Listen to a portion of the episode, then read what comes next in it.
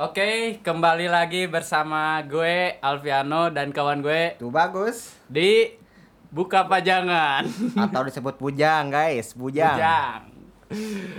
Oke, eh, di sini gue mau ngebahas satu pajangan. ya kan? Iya, satu iya. pajangan pertama gue eh enggak, pertama sih udah lama. Cuma eh, ini sebuah buku yang lumayan menginspirasi dan nasional bestseller juga ya. Bestseller bestseller. Ini lu- buku ini luar biasa nih. Oke, sebelum ke buku, mari kita belak-belakan dulu. Belak belakan dulu. Oke, sebenarnya sih kita di sini bikin podcast bukan kesengajaan tapi foto ketidaksengajaan ya. Apa itu? Karena kita tahu lah sekarang kondisinya sedang Apa? corona corona kan. corona corona Iya, corona. Oke. Tentu saja bagi kami para bujang yang nggak bisa nongkrong, Nongkrong, ngopi ngopi, biasanya kan, kan. itu sungguh ya itu sungguh membuat kami resah lah Resah. resah. sedang tapi bukan kami saja yang bikin resah tapi buku-buku kami juga resah ternyata Ternyata banyak debu juga ya. banyak banyak debu juga ya ternyata Eh, aduh sangat Untung nggak ada ya per Per- kemewewan. ya untuk ada lah itu itu khusus untuk Lebih tercipta lagi kayaknya. lebih tercita lagi itu Oke, kembali ke buku. oke oke oke oke. Jadi eh gini eh, kita di sini mau bahas dulu eh, buku dari Henry Manampiring, atau om piring ya? Om Piring, judulnya Filosofi Teras. banyak mungkin ya dari teman-teman di sini yang mengenal tentang buku ini ya tentang buku bersih teras. Tapi di sini kami ingin apa ya membedah ya? Membedah dan memberikan opini kita juga. opini kita Ya, juga sih. Kita sebagai akan pembaca. sebagai pembaca ya. Karena kenapa saya kita ya kenapa Ya. kita mulai buku ini? Karena buku ini menarik. Aneh, menarik sekali ini. Ma- dan apa ya? Ini bukan buku biasa biasa ini buku filosof. Dan ya Anjay. memang lah dari segi orang-orang yang biasa baca novel mungkin ya bakal susah terbiasa buat baca buku-buku non fiksi gitu. Iya.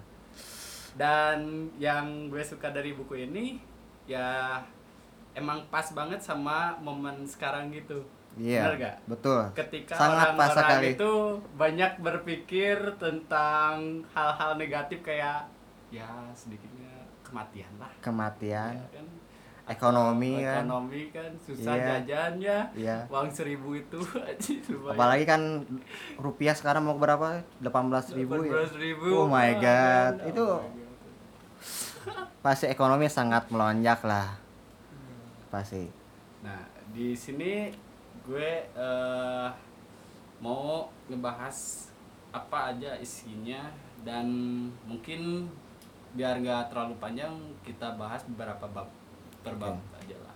Mungkin kita akan bahas bab 1 sampai bab 2 aja ya? Ya dulu. Hmm. oke sebelum ke bab kita perkenalin eh, siapa sih sebenarnya penulis dari buku ini? Biar lebih klop. Klop ya?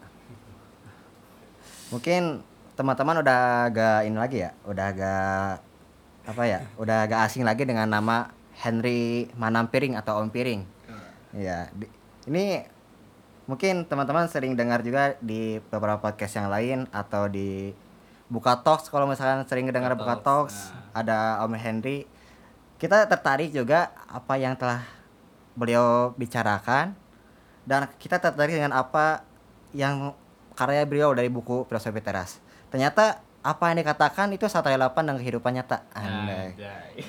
Dimulai dari kerasaan Om Henry nah atau Om Piring lah. hampir Sebenarnya kalau saya lihat dari profilnya Om Piring bukan dari jurusan filosof atau jurusan psikolog. apalagi chef ya Iya. piring. Malah Oke, itu beda lagi, beda Oh, lagi, beda lagi, beda lagi. masak Beda lagi. Apalagi kan sekarang lebih ke Om Piring lebih ke fokus ke apa ya? Kalau pekerjaan lebih ke Hmm. strategi pemasaran lah multinasional kayak Coca-Cola dan lain-lain. Namun kembali ke tadi di kerasahan Om Piring, mungkin Om Piring belajar eh proses teras itu bisa merubah hidupnya Om Piring Nah. yang sebelumnya pemarah, sering cemas, takut, takut kan. berubah menjadi pribadi yang lebih baik. Bersyukur lah bersyukur. Ternyata waktu kita membaca juga emang apa ya kerasa banget itu, kerasa banget bahwa filosofi Pitalis itu bukan hanya hanya sekedar buku, tapi Ya. the way of life. Kalau ya. dari bukunya itu the way of life, keren sekali. Nah, Mm. buku kecil cuma isinya emang luas banget Berbobot. berbobot Tapi kata Om Piring, buku ini hanya buku penga baru aja Ya, pengantar baru- aja. baru beberapa persen dari ah emang Iya. filosofi teras itu emang luas banget Tapi yang kita rasa tuh kayak naik gunung Everest. nah Dan kita di puncak itu luar biasa lah. ya Oke. jadi kita Hmm. nggak cuma lihat gunungnya aja tapi lihat pemandangan di atas Pemandangannya itu loh. Itu. Kerasa banget. Oke, eh, kita mulai aja dari mungkin dari bab satu dulu aja lah. Oke, eh, kalau de- kalau teman-teman lihat kalau yang punya bukunya aja ya, kalau yang nggak punya beli aja ya. Gak aja. Oh ya dengerin dulu lah. Dengerin aja dulu ya, mungkin. Mungkin tertarik. Mm-mm. Oke, di sini eh, tadi udah dijelasin mengapa Om Henry menulis buku ini karena keresahan Om Henry dan karena perubahan yang drastis dari mempelajari filosofi teras ini. Terus ada bab satu nih.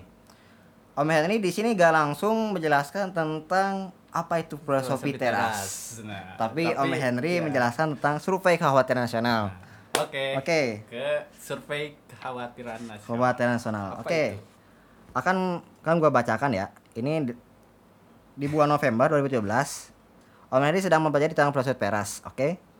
Pikir untuk mencari tahu apakah orang-orang lain juga merasa khawatir mengenai hidupnya melalui riset.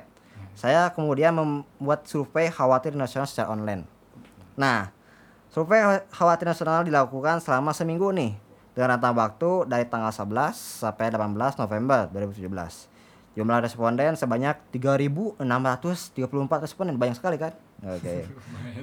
Jangan Lumayan lah ya, itu mewakili ya berapa persen rakyat Indonesia. Oke, oke. Lumayan lah. Topik. Dan komisi referensi 70 persen perempuan guys, Oke. 30 persen lagi-lagi guys. Nah, Aduh. makanya Hmm. cewek banyak ngandelin. Nah, survei ini menggunakan metodologi yang dilakukan secara organik ya atau sukarela dari media sosial. Maka hasilnya tidak bisa dianggap mewakili seluruh populasi. Ya namanya sukarela kan enggak 100 seribu persen Iyalah. Datanya juga 3634 Dan dari nggak berapa juta selalu- rakyat Indonesia kan. Hmm, nggak akurat juga mungkin. Iya. Tapi ini sebagai bahan rujukan bisa jadi kalau misalkan kita meneliti atau menghasil survei secara nasional, secara berjuta-juta rakyat Indonesia kita survei, mungkin ini hasilnya bakal lebih Kayak luar biasa sekali. Survei ya, eh buat web. Oke, semua orang baca web ini, terus isi surveinya. Oke. Mungkin ini eh, kalau bisa dilihat umurnya itu gak rentan dari 18 tahun sampai eh, 38 tahun lah. Masih umur-umur pemuda lah ya segitu ya. Nah, gimana sih hasil surveinya? Oke. Gua akan bahas secara satu persatu karena ini eh apa ya? Rangkum kan Banget ba- bang, banyak banget. banyak banget ya. Oke. Hmm.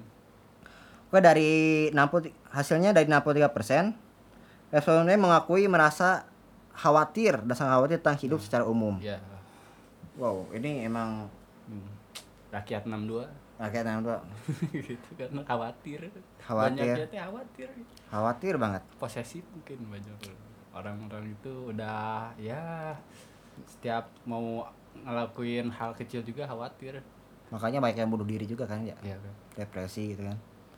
Mungkin teman-teman juga di sini yang mendengarkan sering bingung juga akan hidup apalagi Kedau- di zaman ber- sekarang ya zaman sekarang medsos. di mana eh, berkentut itu lebih baik daripada bersin? Nah, itu. Anda sangat dalam sekali. kembali ke topik Kembali ke topik. Oke, yang selanjutnya itu adalah 53% merasa khawatir dengan pendidikan mereka. Oke, Oke. kita bicara pendidikan ya.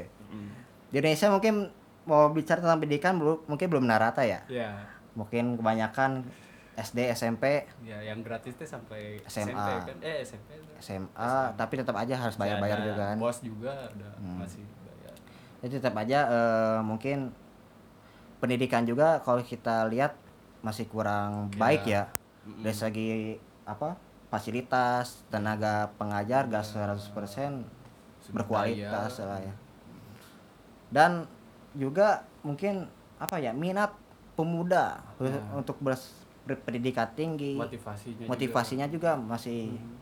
menurut kita kurang karena kita juga pernah merasakan di posisi-posisi seperti Ya, itu. zaman-zaman nakal ya. Zaman-zaman nakal zaman-zaman jahiliyah.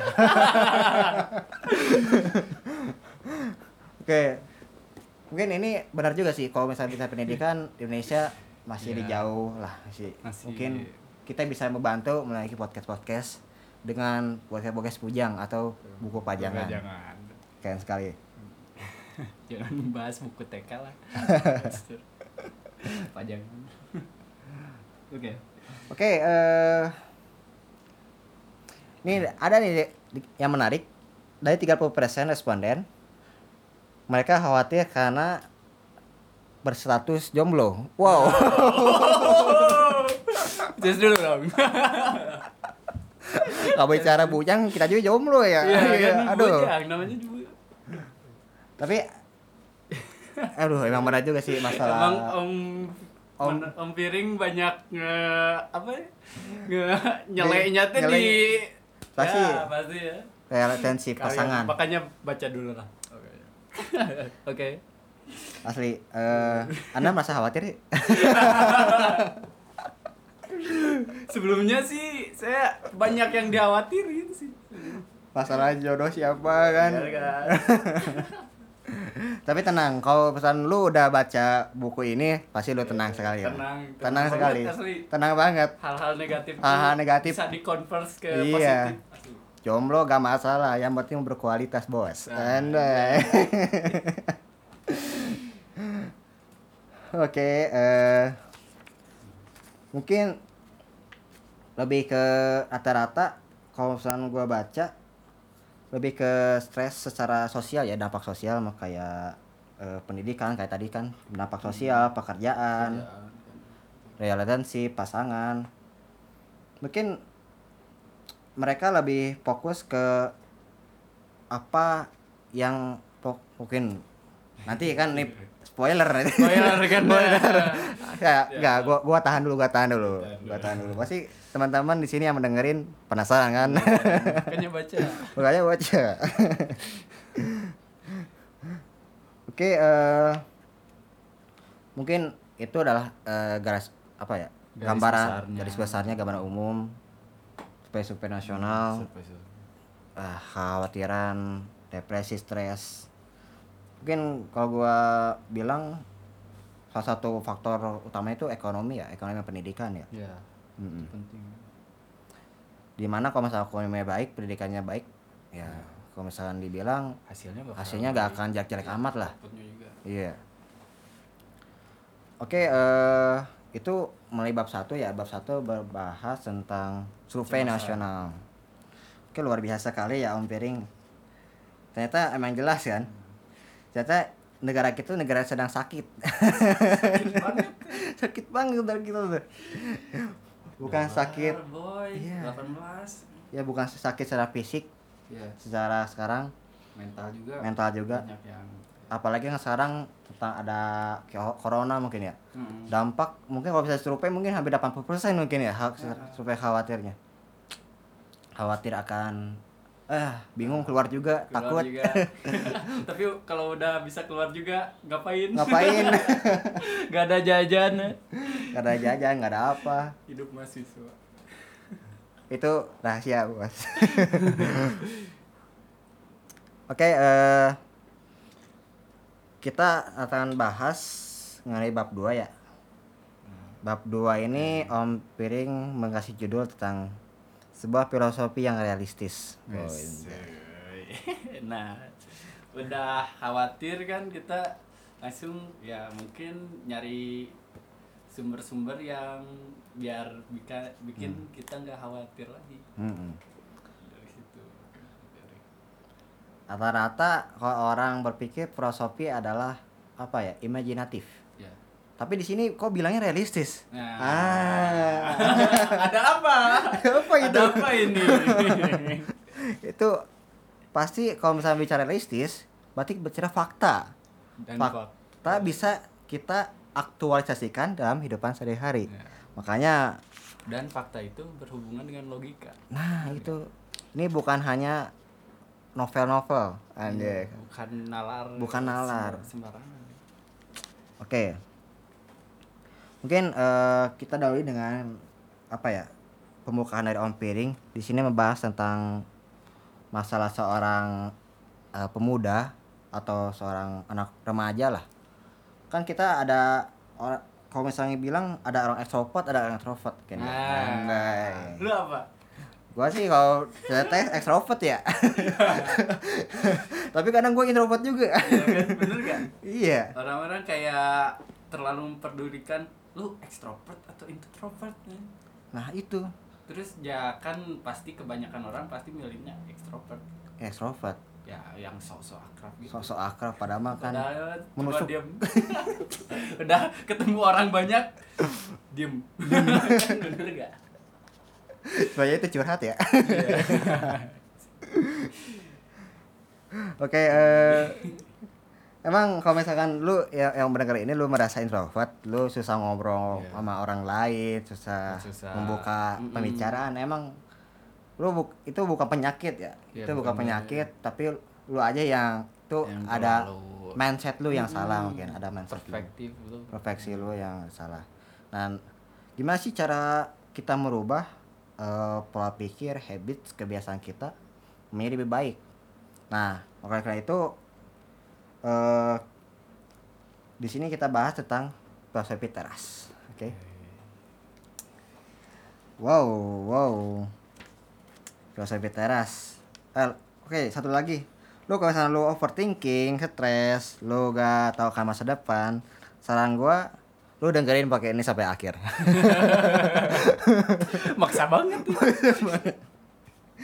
Oke, eh Kayaknya punya banyak kuota. ya kuota ya.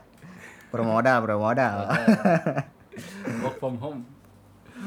Oke, eh mungkin kalau misalnya kita di sini kan dijelaskan juga sejarahnya mengenai filosofi Taras. Kalau ini filosofi di mungkin terjemahannya juga ya, terjemahan ke bahasa Indonesianya. Bahasa eh, Romawi atau Yunani itu namanya Stoa. Nah, apakah itu stoa? Kalau Indonesiain teras. Kalau Sundanya apa? Arampar. Kenapa? Oke. Oke, eh, mungkin orang yang sering menerapkan ini ya, memiliki stoi- stoicisme atau sebut stois- stoa, disebut kaum stoa. Oke, mungkin dari mana sih ini filosofi ini tuh dari mana sih? Kalau disebut dari Zeno ya. Sebelum Zeno itu berada di Yunani. Siapa Jeno? Zeno itu dari seseorang filsuf yang berasal dari Yunani. Hmm. Oke. Nah, ini dikembangkan terus dikembangkan oleh Lucius atau Julius Caesar, seorang Kaisar. kaisar yang berasal dari Roma. Nah, ini dikembangkan eh, filosofi ini menjadi suatu the way of life. Nah, Dan ini ternyata eh, sungguh luar biasa ya dampaknya terhadap khususnya Julius Caesar atau Lucius hmm. dan eh, masyarakatnya gitu. Masyarakat. Sungguh luar biasa. Nah, eh, mungkin kita membicara tentang filosofi yang berasal dari abad keempat dan kita sekarang di abad ke-21. Jauh wow, banget. jauh banget.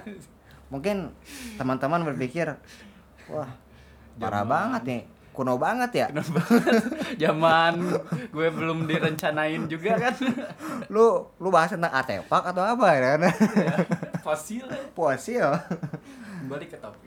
tapi bener tapi bener guys Eh eh, benar kata Om Piring filosofi ini sangat relevan khususnya pada zaman zaman sekarang karena eh, karena kita sekarang eh, kita rasa sebelum baca buku ini kita sering khawatir Mm-mm.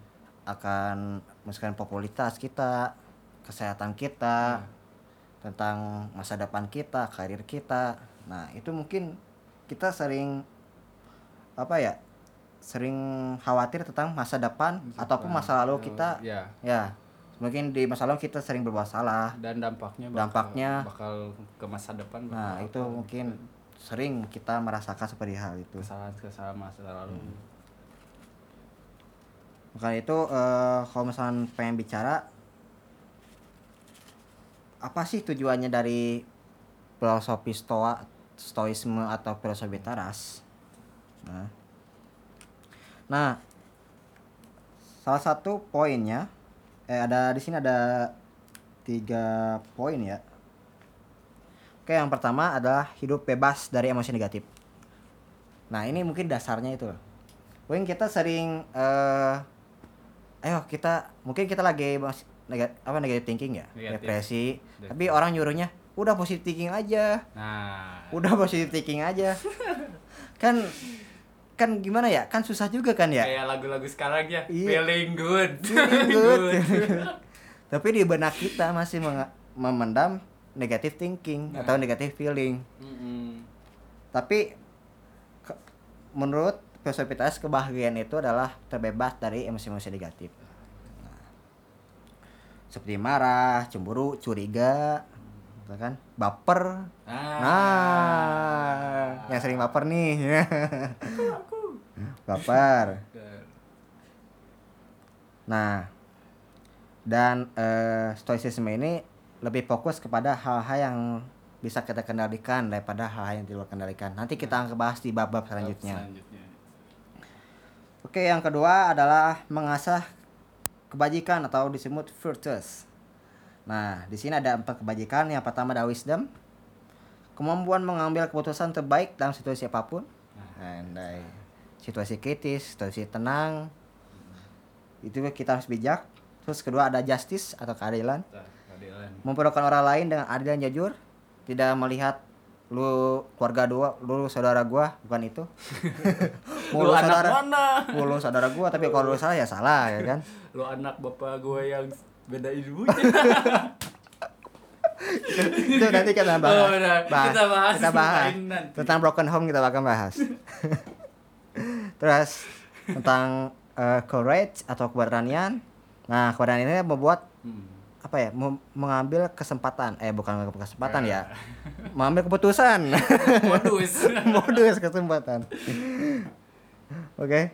Yang ke terakhir adalah temperance, menahan diri. nah Lebih kontrol diri dari apa ya? Nafsu dan emosi lah. nah Nah itu. Itu adalah basicnya itu ya. Jadi filosofi teras atau filosofa itu lebih ke the way of life. Mungkin kita akan bahas selanjutnya. Oke, eh mungkin kalau kita bahas bab 1 dan bab 2 mungkin itu saja mungkin ya.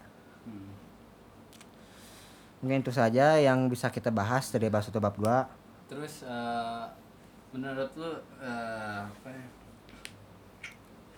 apa aja yang bisa kita tangkap dari bab 1 dan bab 2 itu Oke, eh, menurut gua ada sisi positif dan sisi negatifnya ya. Ya. Kalau gua sel- eh, memandang tuh dari dua sisi. Oke, kalau dari bab 1 dari survei nasional mungkin secara positif kita bisa mengenal eh, Hmm. secara mikro ya kalau misalnya kita bilang ya eh, khawatir Buk, surveinya gitu. surveinya bukan nasional itu survei mungkin sur- survei mikro secara Punten. online. Nah itu, jadi Hmm. eh, tidak bisa jadi bahan rujukan, tapi bahan dasar kita Ya. untuk penelitian lah. Mm-mm. Tapi emang bener juga sih kalau misalnya kita lihat kondisi sekarang, angka kalau misalnya kita secara feeling menerawang atau apa ya, angka khawatir nasional itu semakin tinggi. Tinggi. Apalagi kan sekarang gara-gara ada dampak apa ya, Ya. corona yang Dari masif Cina. ke negara-negara Indonesia, ke kota-kota sampai ke kampung-kampung. Social distance Ya. mungkin itu efeknya luar biasa sekali mungkin cuma batuk sedikit doang juga udah khawatir ya khawatir banget Nah, itu udah dijauhi Mm-mm. dan menjauhi menjauhi banget terus yang kedua adalah tentang apa itu filosofi teras. Nah dari mana sih asal muasal filosofi teras itu kan gitu? Iya. dari bab kedua itu. Nah menurut gua ini sebuah filosofi yang realistis ya sesuai judulnya. Mm-mm. emang benar eh, filosofi teras itu bukan bahas tentang dunia psikologi bukan Secara- bahas tentang, tentang- teras. bukan masalah teras tapi bahas tentang kebahagiaan yang eh, bisa lu dampakkan secara realistis. Mm. yang pertama tadi itu lu terbebas dari emosi negatif. Dan yang kedua lu punya eh, kontrol atas diri lu sendiri. Nah, gitu. mungkin eh, teknisnya gimana caranya gimana itu akan dibahas dari bab-bab selanjutnya. Nah. Nah di sini kalau sama te- teman-teman yang nggak punya buku mau nanya ada berapa bab sih bang Acan, belum ada question and answer. Oke. Gak apa-apa lah. Oke. Spoiler dulu. Berapa bab? ada mungkin eh, 12 ya? Ada 12 bab ya 12 bab. Mungkin kita baru dua. 10 bab lagi kita akan bahas. Mungkin di episode episode selanjutnya oleh karena itu ki- kita kembali kepada Alviano gimana Alviano Oke, eh